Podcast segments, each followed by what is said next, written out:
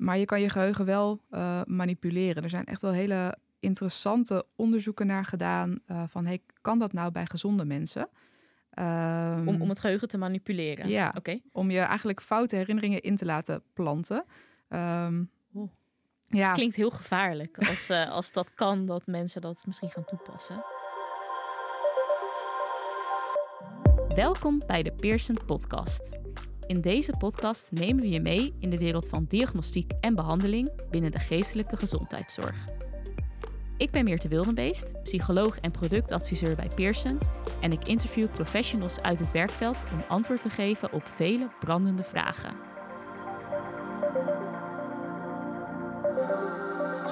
Voordat we verder gaan, nog even dit. Problemen met het geheugen kun je op verschillende manieren constateren. Heel belangrijk hierbij is om te kijken naar de geheugenfunctie bij de uitvoering van alledaagse taken. Met de nieuwe RBMT3 meet je bij cliënten met cognitieve problemen, vanaf 16 jaar, hoeveel moeite zij hebben met alledaagse geheugentaken en kun je een goede inschatting maken van het zelfstandig functioneren. Kijk voor meer informatie op www.pearsonclinical.nl/podcast.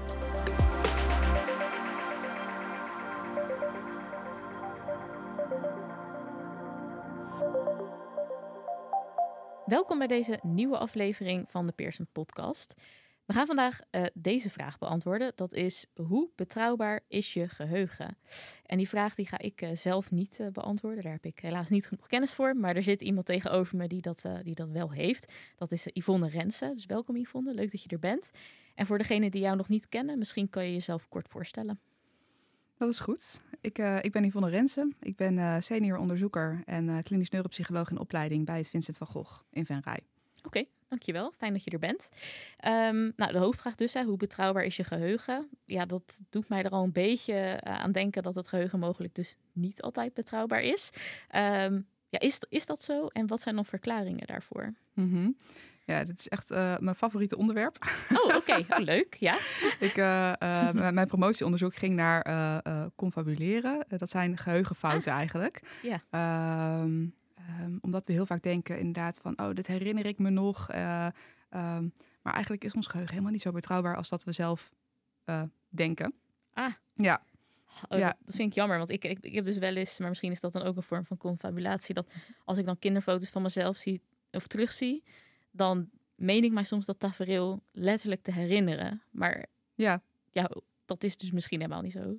Ja, ik denk, eh, nou uh, ja, um, heel vaak als je een geheugenspoor, zeg maar, als je terug aan iets denkt, dan wordt je mhm. geheugen weer actief. Maar op het moment dat je geheugen actief is, kan, uh, is het ook gevoelig voor nieuwe informatie. Dus stel je bent uh, uh, met je familie herinneringen aan het ophalen bij die ene leuke foto. Mm -hmm. En nou ja, je vader vertelt een, um, um, iets over die dag. Um, dan wordt dat weer toegevoegd aan dat geheugenspoor. eigenlijk moet je zien, ik zie het vaak als een soort van fotostukjes, zeg maar, uh, fotoknipsels. En dan komt er een stukje van dat fotoknipsel komt weer bij jou, uh, bij de rest van de fotoknipsels. En daar probeer je dan weer een soort van plaatje bij te maken. Uh, maar als iemand daar verkeerde informatie over geeft, of uh, zegt ja, uh, oom Leo was er die dag ook bij, en denkt, oh ja, misschien wel, mm -hmm. misschien niet, ik kan me dat eigenlijk niet zo goed herinneren. Maar dan is het stukje van oom Leo wel toegevoegd aan al die kranten, aan al die knipsels van, dat, van die foto. Dus de volgende keer dat je dan terugdenkt aan die herinnering, dan haal je misschien toch ook weer die oom Leo erbij. Um, dus mm -hmm. je geheugen is daarin heel beïnvloedbaar als je het probeert op te halen. Ja. Mm -hmm. Dus dat is eigenlijk dan één, één verklaring van waarom het geheugen niet altijd uh, betrouwbaar is. Zijn er nog andere, andere verklaringen te bedenken? Uh, ik, de, ik, denk nu een beetje aan het verschil tussen uh, uh, ge, gezonde geheugens en geheugens die kapot zijn, laat ik maar even zo te zeggen, bij mensen met, met, met hersenschade. Mm -hmm. daar bestaat wel echt een, een, verschil tussen. Ik denk, je ziet heel veel um, bij mensen met bijvoorbeeld Alzheimer, bij mensen met het syndroom van Korsakoff, dat zij herinneringen hebben, maar die eigenlijk niet, uh, niet kloppen.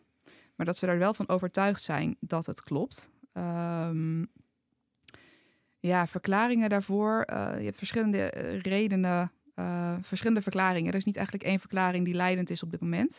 Um, verschil kan zijn dat mensen niet goed meer de bron van hun herinnering kunnen terughalen. Dus uh, je, je hebt iets gehoord, maar was dat nou op televisie? Was dat nou iets wat iemand tegen je zei? Of heb je dat zelf bedacht? Of is het echt gebeurd?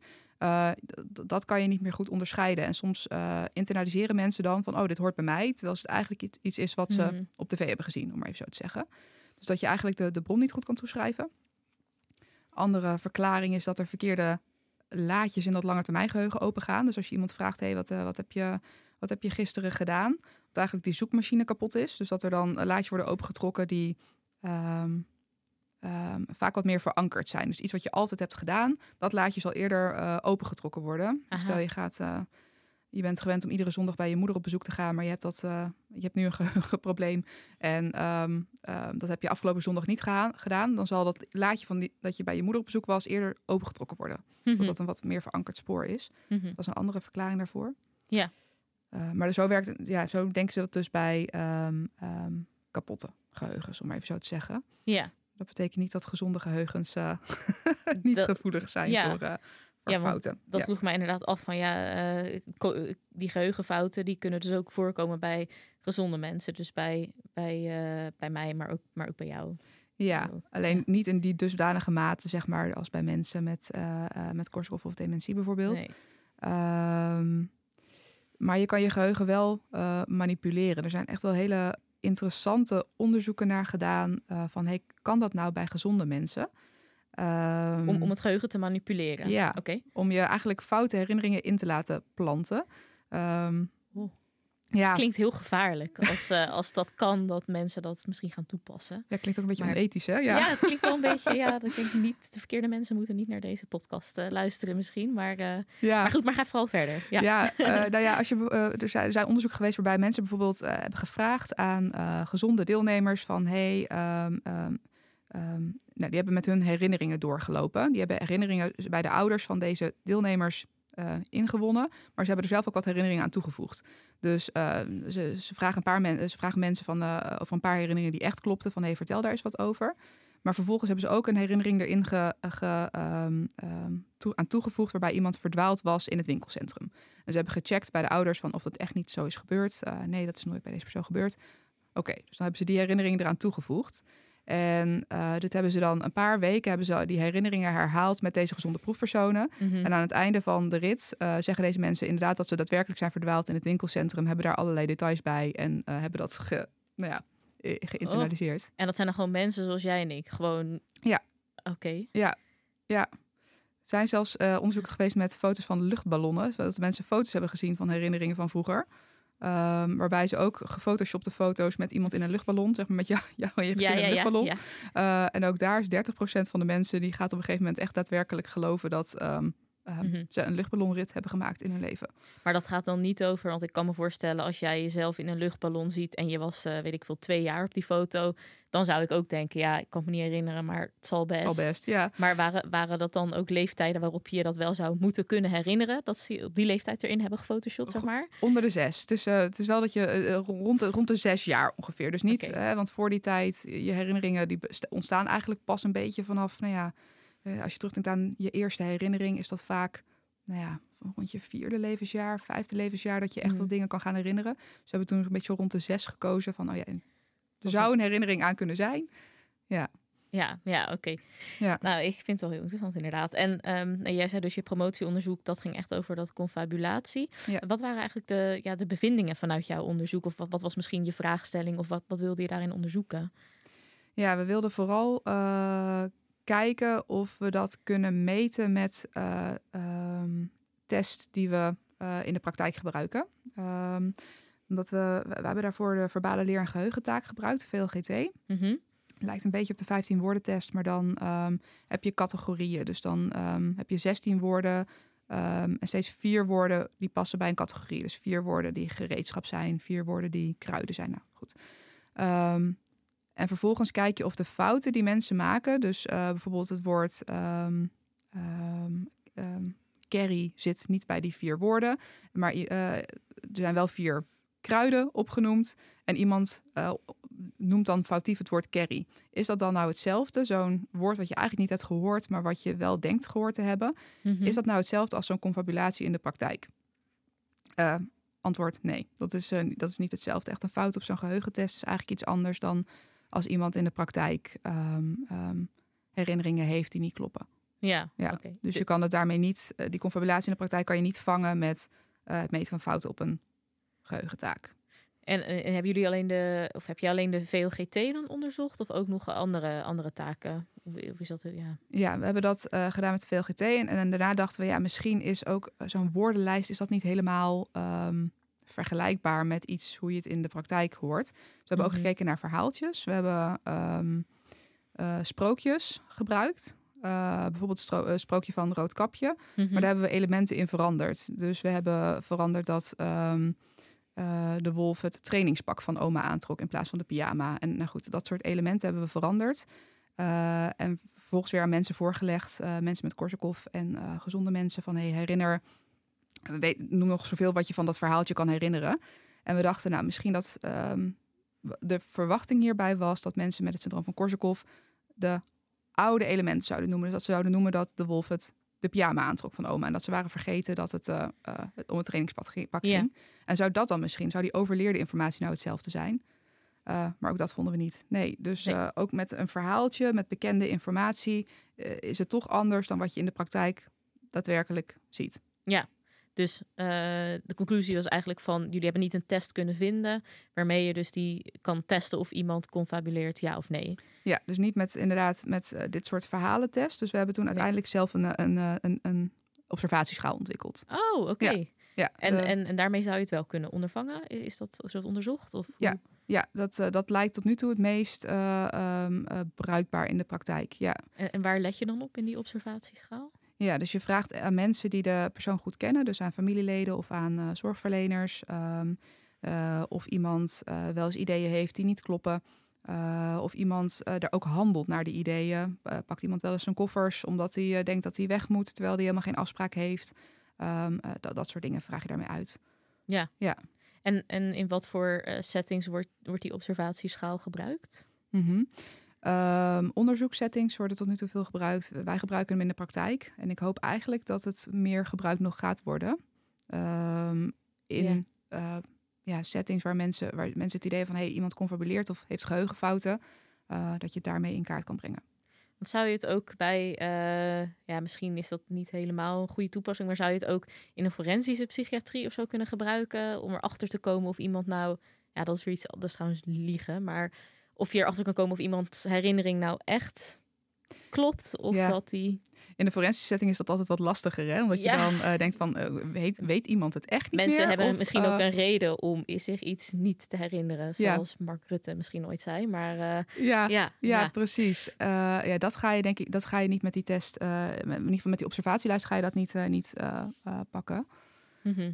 um, ja, in de forensische setting is het natuurlijk uh, lastig als mensen zeggen van ik heb er, ik, ik heb er geen uh, herinnering aan. Ja, is dat dan zo? Um, er is wel veel onderzoek geweest naar bijvoorbeeld uh, het trauma. van, um, zijn wel eens ideeën geweest dat mensen in therapiesessies onderbewuste trauma's opeens herinneren tijdens therapie. En kan dat nou eigenlijk? Heb je een soort van een, een onderbewust mechanisme wat jouw trauma kan onderdrukken en wat opeens als een doosje open kan gaan? Ehm, nou, daar, ja, vanuit de geheugenonderzoek zijn daar niet echt aanwijzingen voor eigenlijk. Ehm, Mhm. ehm, er zijn wel redenen, mensen willen graag niet denken aan het trauma, dus je, maar dan ben je bewust aan het negeren, zeg maar. Als je, je, je denkt niet graag terug aan iets wat je niet leuk vindt. Dus dan ben je bewust bezig met, oké, nee, nu even niet. Ik heb er nu even geen zin om aan te denken. Uh, maar dat is niet dat je er nul herinnering aan hebt. Dus dat je Mhm. die herinnering weg aan het drukken bent. Ehm, ja. Ja, dus wel een lastige, lastige kwestie inderdaad. Hoe, hoe, mee, hoe meet je dat? Ja, dat ja, kan Ja. bijna niet, toch? Ja. Nee, je kan het, je kan het niet meten. Ehm, vanuit geheugenperspectief is het wel lastig dat je ergens geen herinnering aan zou hebben. Uh, Mhm. Tenzij je op dat moment onder invloed was van, van middelen of drugs bijvoorbeeld. Of dat je net een klap op je hoofd hebt gehad. Zeg maar, er moet wel echt iets zijn waardoor je die herinnering niet kan aanmaken. Ehm, ja, bij een hele heftige ervaring wil je het niet kunnen herinneren. Nee, oké, oké. Nee, op die manier uh, snap ik hem inderdaad. Um, ja, en ik, ik heb, nou, laatst toevallig sprak ik met iemand en die vertelde mij een verhaal. Dat ging over um, ja, iemand, een oudere dame met uh, Alzheimer of een andere vorm van dementie uh, in een verzorgingstehuis.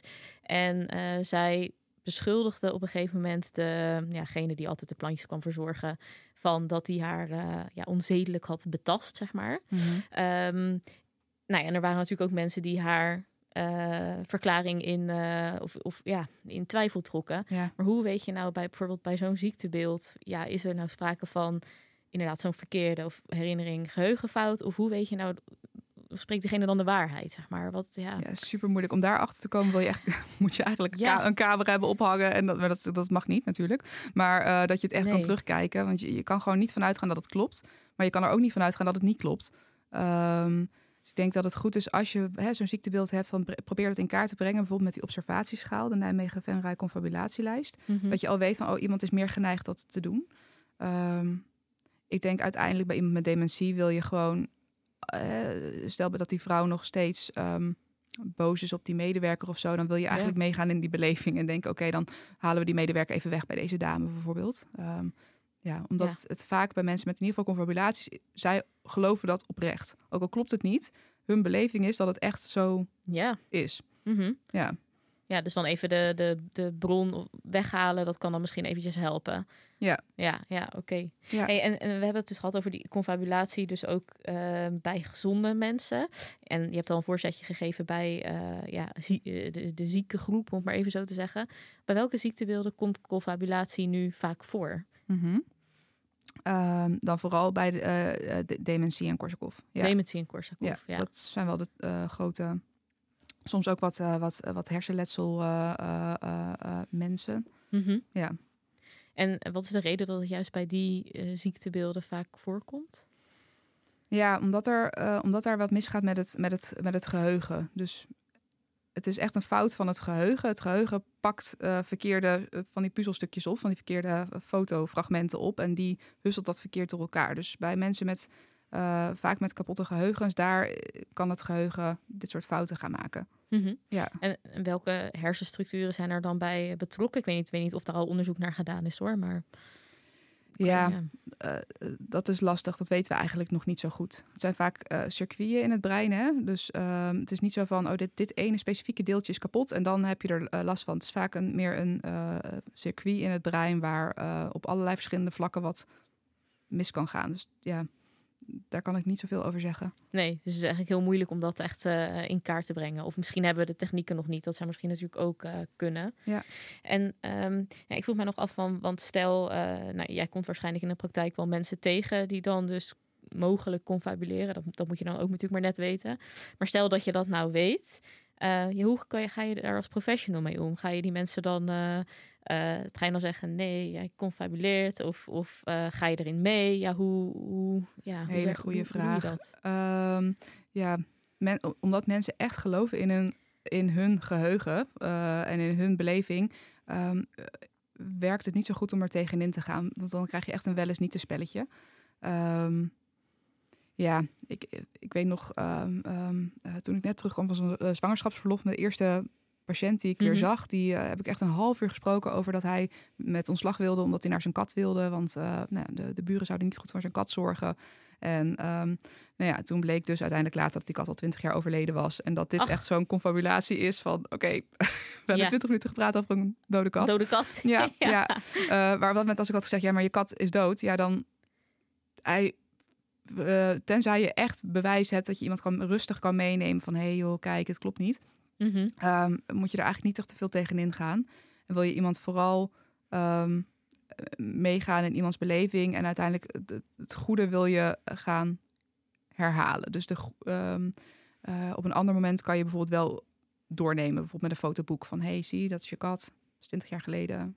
Kat leeft niet meer. Ah. Maar niet op het moment zelf in de heat of the moment. Nee, want wat, wat is het risico wat er kan gebeuren als je dat wel doet? Uh, ja, mensen voelen zich echt niet geloofd. Van uh, als ik echt in de overtuiging ben dat ik zo meteen hier weg moet omdat uh, ik mijn kat moet ophalen. En jij zegt maar ja, dat is niet zo. Ja, dan. Je hebt helemaal geen kat, zeg ik dan. Precies. Ja. En dan zeg ik, ja, maar ik heb wel een kat. Ja, maar je hebt geen kat. Ja, dan, uh, ja, mm. dan, dan, dan, dan raak je elkaar, uh, raak je contact met elkaar kwijt. Ja. ja. En um, ik, kan, ik vroeg me ook nog af met dat confabuleren, kan dat nog herstellen, zeg maar? Kan, kunnen, kunnen mensen ervan afkomen met deze ziektebeelden? Of is het iets wat steeds erger wordt en ja, helaas, je kan er niks aan doen? Ja, nee, het, het kan niet beter worden. Nee. Nee, ja, bij dementie zie je natuurlijk, hè, iemand gaat steeds verder achteruit. Dus het kan zijn dat het in het begin wat erger wordt. En op een gegeven moment ja, is iemand zo ver heen in de ziekte dat, het, uh, ja, dat iemand bijvoorbeeld moeilijker kan praten. En dat je er, ja, dan zie je het weer wat minder. Um, bij Korsakoff blijft het stabiel um, over tijd. Ja. Dus het wordt niet minder, maar het wordt ook niet, niet beter. Niet minder en niet beter, ja. nee. En um, ik, neem, tenminste, neem ik even aan dat je ook uh, familieleden ziet van mensen met mm -hmm. uh, um, Korsakoff of dementie. Ja, wat voor tips geef je dan aan de familieleden? Uh, want het lijkt me ook best wel lastig. kijk, jij als behandelaar staat er misschien ook weer wat verder van af. Mm -hmm. Maar als familielid, ja, je, je ziet misschien dagelijks iemand hoe ga je ermee om als iemand de hele ja. tijd een verkeerd verhaal aan jou vertelt? Het lijkt me best wel frustrerend. Het is super lastig. Ja. Ja, het, het eerste is veel uitleg geven. Um, um, omdat mensen vaak nog niet zo goed begrijpen. Van, huh, maar waarom zeg je dit nou? Dat klopt toch helemaal niet? En wat zeg je nou voor gekke dingen? En mensen gaan er snel tegenin en proberen uh, uh, te overtuigen van het alternatief. Mm -hmm. um, dus is vooral heel veel uitleg geven over dat iemand, het, iemand doet het niet expres. Iemand gelooft er oprecht in. Dus probeer ook niet te veel testvragen te stellen, zeg maar. Als je weet dat iemand geheugen niet goed werkt, ga dan niet vragen van... Goh, hey, um, um, um, wat, heb je, wat heb je twee uur geleden gedaan? Heb je... Uh, ja, iemand kan dat niet meer herinneren. Dus dan krijg je automatisch wat meer kans op foute herinneringen. Mm -hmm. Probeer vooral mensen te helpen met cues. Dus dat je niet zegt, hey, wat heb je twee uur geleden gedaan? Maar hey, twee uur geleden was je met die en die. En toen waren jullie even gaan wandelen. Was het fijn dat je iemand wat meer... Beetje helpt. Handvatten al. geeft, context cues geeft. Ja. Uh, ja. ja. Oké, okay, nou dat lijkt me een, een hele goede tip. Uh, om mee af te sluiten ook, want ik uh, kreeg net een seintje dat de tijd er alweer op zit. Um, dus heel erg bedankt. Ik vond het een heel interessant onderwerp. En ook goed om te weten dat dus gezonde personen ook uh, geheugenfouten kunnen hebben. Uh, dus als ik weer een keertje begin over die foto, dat ik me dat herinner, dan zou dat mogelijk niet zo zijn. Dus uh, dankjewel in ieder geval. Graag gedaan. Vond je dit een interessante podcast? Volg dan ons kanaal, zodat je op de hoogte blijft van nieuwe afleveringen. En deel de podcast gerust met je collega's als je hem interessant vond. Wil je een vraag insturen of jouw feedback met ons delen? Dan kan dat via pearsonclinical.nl slash podcast. Daarnaast hebben we ook een speciale actie voor onze podcastluisteraars. En deze is te vinden op dezelfde site, dus pearsonclinical.nl slash podcast. Tot de volgende keer!